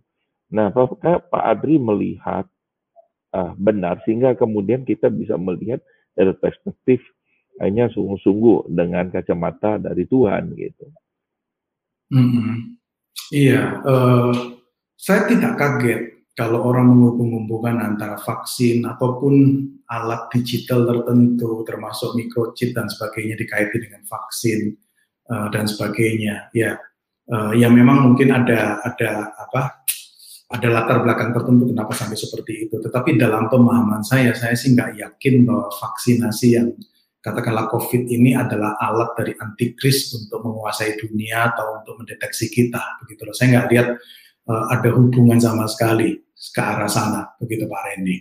Jadi hmm. itu cuma pikiran orang yang mencoba untuk mengaitkan masalah vaksinasi ini dan katakannya dikatakan itu nanti akan ada microchip dan sebagainya itu seolah-olah seperti ini alat dari antikris untuk mengontrol uh, dunia ini ya. Saya nggak lihat ada alasan yang cukup kuat secara biblical, apalagi penggunaan dari uh, kitab Wahyu ini uh, di dalam kaitan dengan masalah uh, vaksin ini, Pak. Begitu loh. Uh, memasukkan microchip aja di vaksin itu bagi saya sudah sesuatu yang impossible deh. Mau berapa kecilnya memasukkan melalui vaksinasi ini. Ya, rumor-rumor memang tentang itu berkaitan, misalnya saya tahu itu kan dikaitin dengan pertama itu Bill Gates yang pernah memikirkan uh, penggunaan microchips dan sebagainya, lalu kemudian Bill Gates itu punya apa concern sangat besar sekali untuk masalah vaksin, ya begitu. Nah, itu itu muncul rumor-rumor itu dari sana, tapi saya tetap melihat tidak ada bukti yang cukup kuat. Bahkan pemerintah Indonesia pun juga sudah uh, menyangkali kan adanya kemungkinan microchip itu ditanamkan di vaksin dan sebagainya begitu loh tidak ada hubungan sama sekali ya yeah. Iya. uh, saya cuma berpikir begini terlepas dari masalah vaksin atau bukan vaksin ya tapi katakanlah begini katakanlah kalau satu waktu nih satu waktu di dunia ini mau tidak mau memang kita ini harus dipasang microchip entah di mana begitu karena kemajuan teknologi. Hmm. begitu. Kalau sampai akhirnya memang katakanlah ini merupakan satu apa ya keharusan atau mau nggak mau kita ini. Bagi saya kita nggak apa-apa untuk ikuti nggak ada dasar untuk kemudian mengatakan oh itu penggenapan dari Wahyu pasal 13 saya ambil contoh sama seperti waktu masa-masa dulu tahun berapa 70-an, 80-an barcode itu kan. Diyakini itulah the mark of the beast itu, tanda binatang itu Wahyu 13, 17, 18. Waktu itu kan jangan jangan beli barang ada barcode, jangan pakai barcode dan sebagainya. Tetapi teknologi barcode itu udah nggak bisa dicegah lagi begitu loh. Ya kan? Hmm. Untuk kita pun mungkin ada produk-produk Kristen pun juga atau produk dari perusahaan orang Kristen pun harus pakai barcode dan sebagainya. Akhirnya kemudian mau tidak mau dunia mengikuti itu nih. Ya, dan saya percaya itu nggak ada hubungan sama sekali dengan Wahyu pasal 13, ayat 17 dan 18. Begitu juga kalau nantinya, kalau nantinya nih kemajuan teknologi membawa kita ke sana, ya kita nggak tahu bisa terwujud bisa nggak juga. Saya nggak melihat ada hubungannya dengan Wahyu 13, 17, dan 18. Itu keyakinan saya. Oke Pak Andri. Cuma pada dasarnya orang kadang lebih tertarik dalam arti ini oh iya ini kok dekat ya, benar di Alkitab ada ngomong yang tadi Pak Adri ngomong tadi, coba dikait-kaitkan gitu ya. Jadi yeah. orang kait penggunaan teknologi termogan, ini sebenarnya saya baca dipercaya sebagai persiapan antikris, untuk membiasakan orang nanti di scan di dahi mereka, yang dikasih tanda. Nah itu membuat uh, yeah. sebagai orang merasa, iya ya betul nih Alkitab udah ngomong lagi, tanda ada begini. lebih yeah. percaya begitu. Ya itulah yang yang kalau kita boleh saya kalau saya boleh sebut ya, itulah ya. kutip kerugian kalau kita tuh salah memahami teks Alkitab. Hmm. Saya mengatakan bahwa orang yang salah memahami kemudian kehilangan keselamatan, saya nggak ngomong itu ya. Iya, iya. Kerugian ada kerugian rohani kalau saya boleh sebut itu. Kita takut dalam sesuatu yang sebenarnya tidak perlu ditakuti. Kita hidup hmm. di dalam satu paranoid yang yang sebenarnya tidak perlu begitu loh itu bukan apa yang di, diajarkan dalam Alkitab seolah-olah itu kemudian membuat kita ini hidup di dalam ketakutan-ketakutan yang tidak perlu. Ya.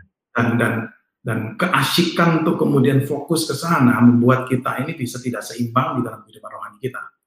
Ya, ada hal yang memang Tuhan mau untuk kita kerjakan, kita nggak kerjakan justru karena keasikan untuk untuk terus berfokus kepada hal-hal akhir zaman, hal mikrochip, hal antikristus dan sebagainya. Ini kalau disebut seperti kerugian rohani, gitu loh. Karena hmm. salah memahami kebenaran firman Tuhan, kita mengartikan dari perspektif modernnya kita, kita itu mengandaikan seolah-olah itulah yang diajarkan dalam Alkitab.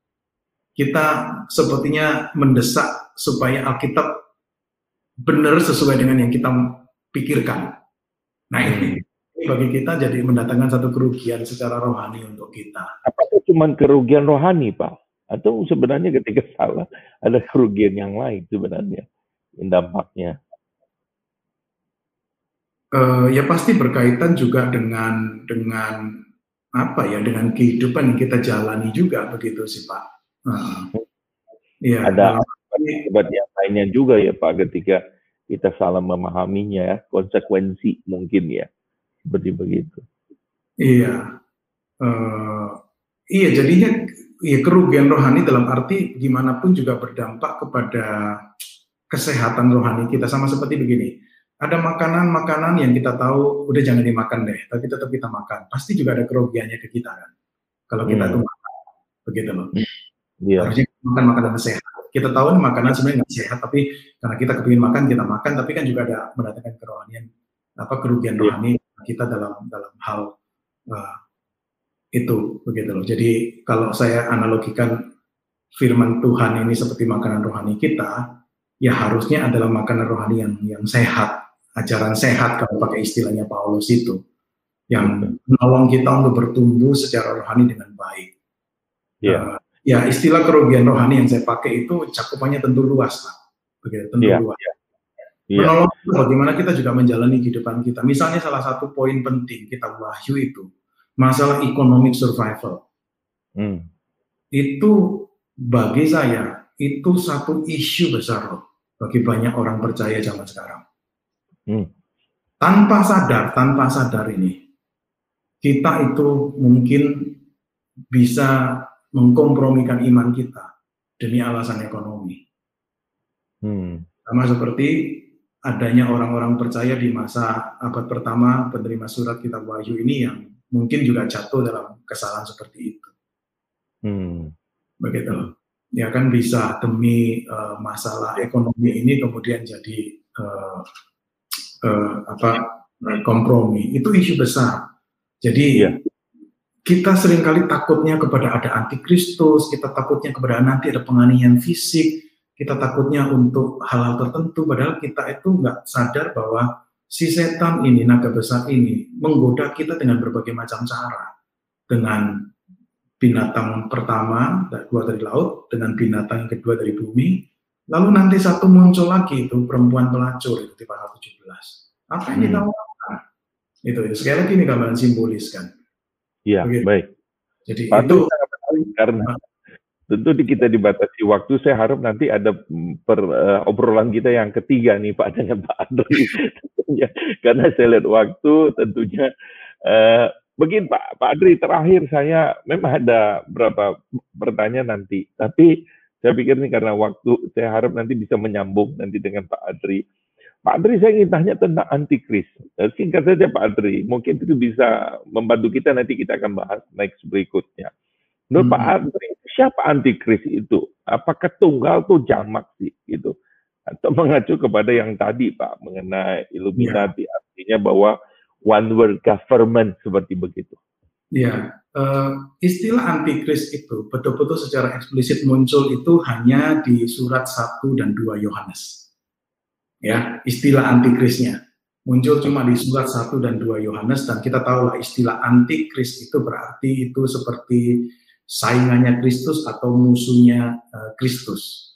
Nah, waktu kita fokus dulu nih ke surat uh, eh, 1 dan dan 2 Yohanes, di sana ada beberapa kebenaran penting tentang antikristus yang perlu untuk kita uh, ketahui. Yang pertama, kehadiran antikristus itu tidak selalu dikaitkan dengan periode khusus menjelang akhir zaman. Tidak selalu. Antikristus itu sudah muncul di zaman ketika surat 1 dan 2 Yohanes ditulis itu figur di masa lalu. Yohanes eh, penulis surat 1-2 Yohanes tidak bicara mengenai peristiwa-peristiwa di masa datang yang jauh, tetapi peristiwa-peristiwa yang sedang terjadi di, di depan matanya. Hmm. Yang kedua tentang antikristus menurut 1 dan 2 Yohanes itu adalah ada banyak antikristus. Jadi salah kalau kita beranggapan antikristus itu cuma single figure nantinya menjelang akhir zaman yang akan muncul yang tidak diketahui oleh para penulis PP. Figur-figur antikristus itu muncul di sepanjang zaman, di zaman penulisan waktu penulisan 1 dan 2 Yohanes itu sudah nyata sekali uh, dan kita percaya bahwa figur ini banyak ya akan bermunculan di sepanjang zaman sampai kedatangan Yesus yang kedua kali. Hal yang yang ketiga yang perlu untuk kita ketahui adalah begini. Bukti yang memberi petunjuk mengenai kehadiran antikristus, khususnya di surat 1 dan 2 Yohanes, itu adalah kehadiran pengajaran yang jelas-jelas melawan kekristenan atau kita dalam bahasa kita anti Kristen. Penekanannya itu bukan kehadiran atau aktivitas satu pemerintahan atau satu figur politik. Ya, saya melihat cukup banyak berlebihan mengenai apa ya kuasa politik dari si antikristus ini yang akan muncul di dalam sejarah. Tapi hmm. penekanan hmm. satu dan dua Yohanes justru kepada ajaran yang tidak benar yang yang menggerogoti dari dalam juga maupun dari luar. Begitu. Hmm.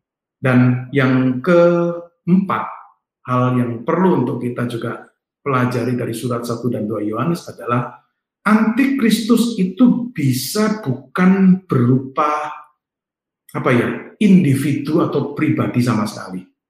Artinya ini bukan bersifat personal, tetapi bersifat impersonal. Artinya antikristus itu juga bisa merepresentasikan satu sistem pemikiran atau satu sistem pengajaran palsu atau bidak nih yang menyangkal kebenaran mengenai kekristenan, lebih khusus lagi mengenai Tuhan kita Yesus Kristus. Di satu Yohanes pasal yang ke Eh, empat itu disebut ini roh antikristus, spirit of antichrist. Tidak hmm. disebut itu figur, tetapi spirit ini. Nah ini kalau lihat secara sekilas lebih dulu dari satu dan dua Yohanes. Nah pertanyaan yang sering ditanyakan adalah apakah ada nih the final antichrist? Apakah hmm. ada satu pribadi yang akan datang menjadi di antichrist yang berbeda banyak dengan antikristus antikristus yang lain sepanjang sejarah? Nah apa yang yang Alkitab ajarkan mengenai hal ini ya.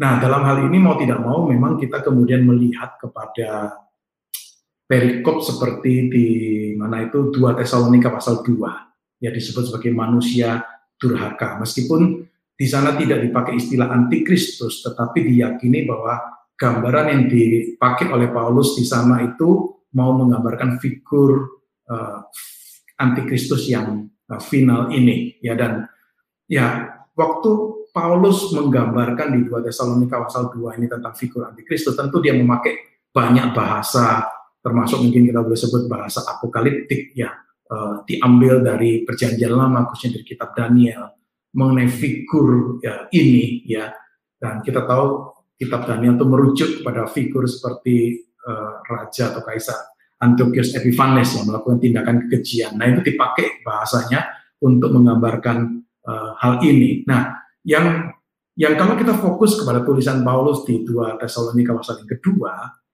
uh, yang kalau nanti ada waktu untuk mengupas lebih dalam lagi, kita melihat, bisa melihat beberapa kebenaran. Pertama begini, kedatangan manusia durhaka ini dihubungkan dengan kemurtatan dan ketidak apa ya ketidaktaatan yang yang menimpa gereja dan umat Allah dalam masa sebelum kedatangan Yesus yang kedua.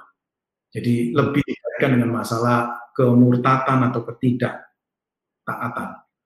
Tapi yang menariknya begini, yang menariknya begini loh. Paulus di 2 Tesalonika pasal 2 sepertinya bicara figur masa depan. Tetapi di 2 Tesalonika pasal 2 ayat yang ketujuh dia berkata begini, rahasia kedurhakaan itu sudah mulai bekerja sekarang ini. Begitu Jadi Paulus itu berkata seperti itu menunjukkan bahwa Paulus ini pikirannya nggak hanya melihat ke masa depan yang jauh, tetapi juga dia bicara mengenai peristiwa-peristiwa yang yang terjadi di masa dia ketika menulis surat ini, katakanlah kita ambil waktunya sekitar tahun 50-an ya ketika dia menulis surat 2 Tesalonika ini. Ya. Ya, yang yang ketiga Paulus memang mengindikasikan bahwa ciri utama manusia durhaka ini pengakuannya akan status ilahi dan merasa layak untuk disembah sebagai sebagai Allah nih. Lalu hal yang lain lagi yang kita bisa lihat ini secara anu ya ringkasan dari 2 Tesalonika 2 ya. Manusia durhaka ini juga akan menguji kesetiaan gereja terhadap Kristus dan firman-Nya.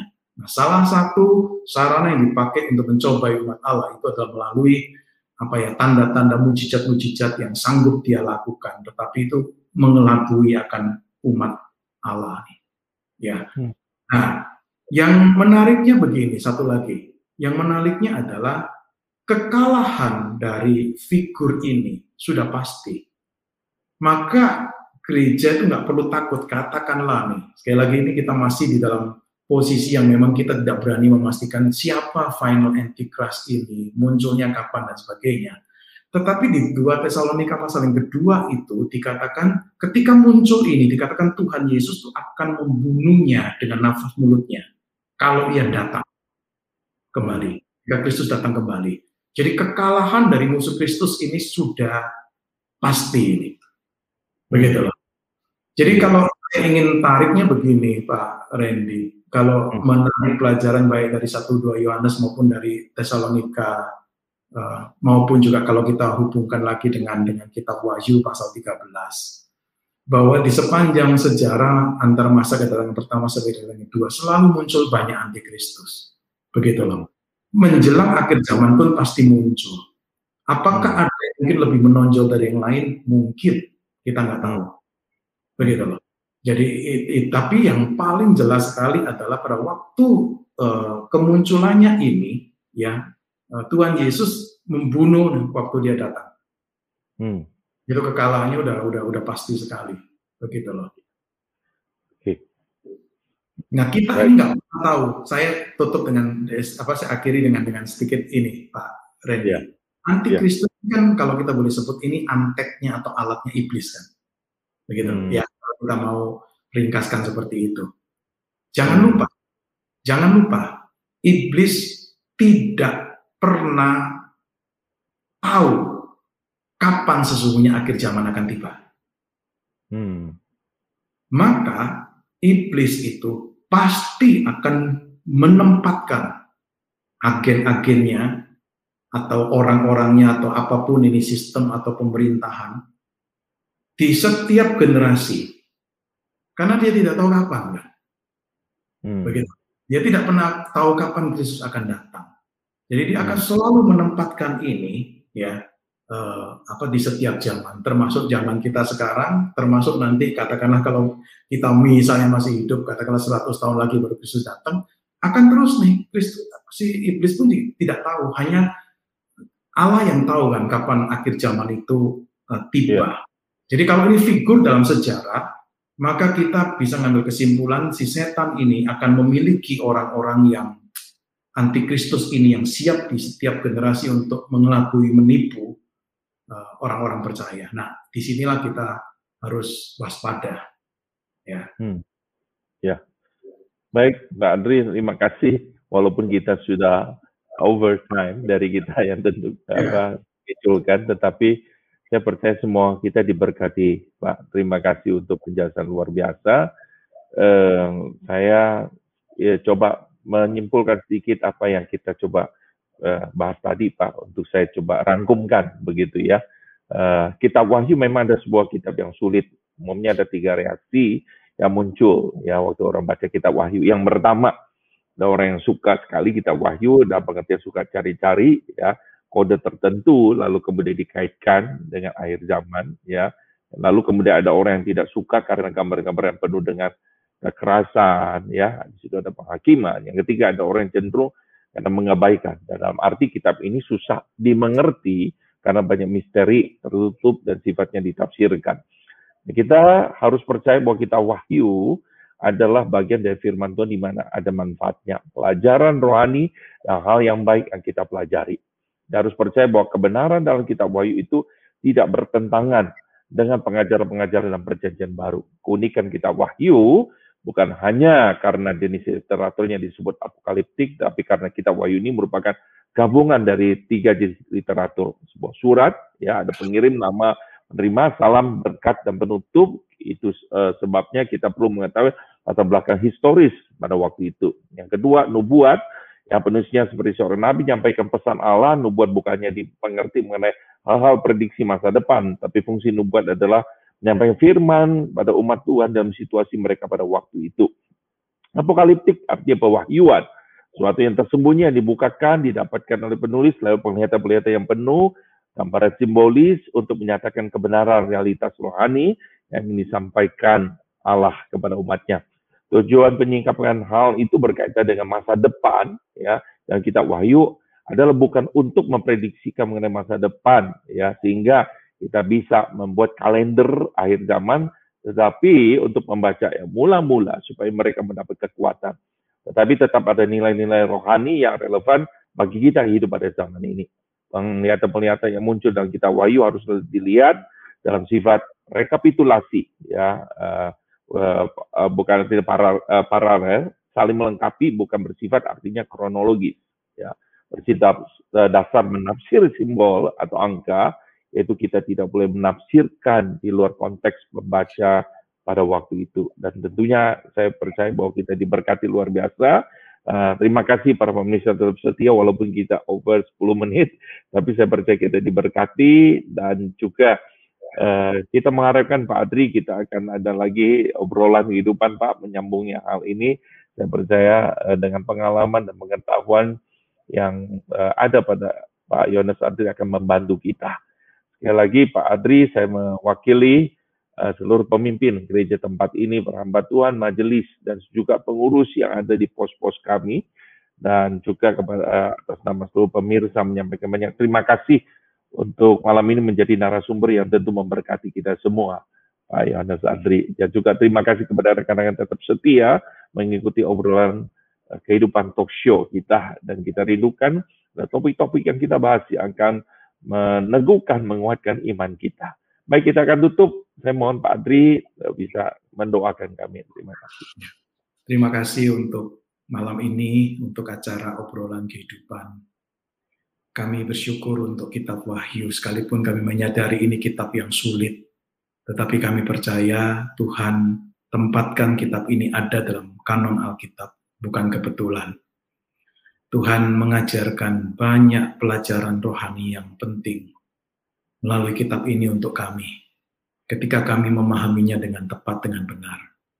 Bahkan kami dibawa untuk semakin mengenal Juru selamat kami, Tuhan kami, Tuhan Yesus melalui kitab Wahyu ini. Karena di dalam pengajaran kitab Wahyu juga disingkapkan mengenai Tuhan kami, Tuhan Yesus. Terima kasih Tuhan, karena kitab ini Tuhan pakai untuk memberikan encouragement kepada umat Tuhan di sepanjang zaman. Untuk mereka melihat realita bukan hanya dari mata fisik mereka, tetapi mengajak kami umat Allah untuk melihat realita dari perspektif surgawi, dan dari perspektif eskatologis. Kami rindu Tuhan, kami bertumbuh dalam iman kami melalui pembelajaran kitab ini sekalipun kami menyadari ini sulit dan membutuhkan satu effort, satu usaha keras untuk kami mau belajar, menggali kebenaran di dalamnya.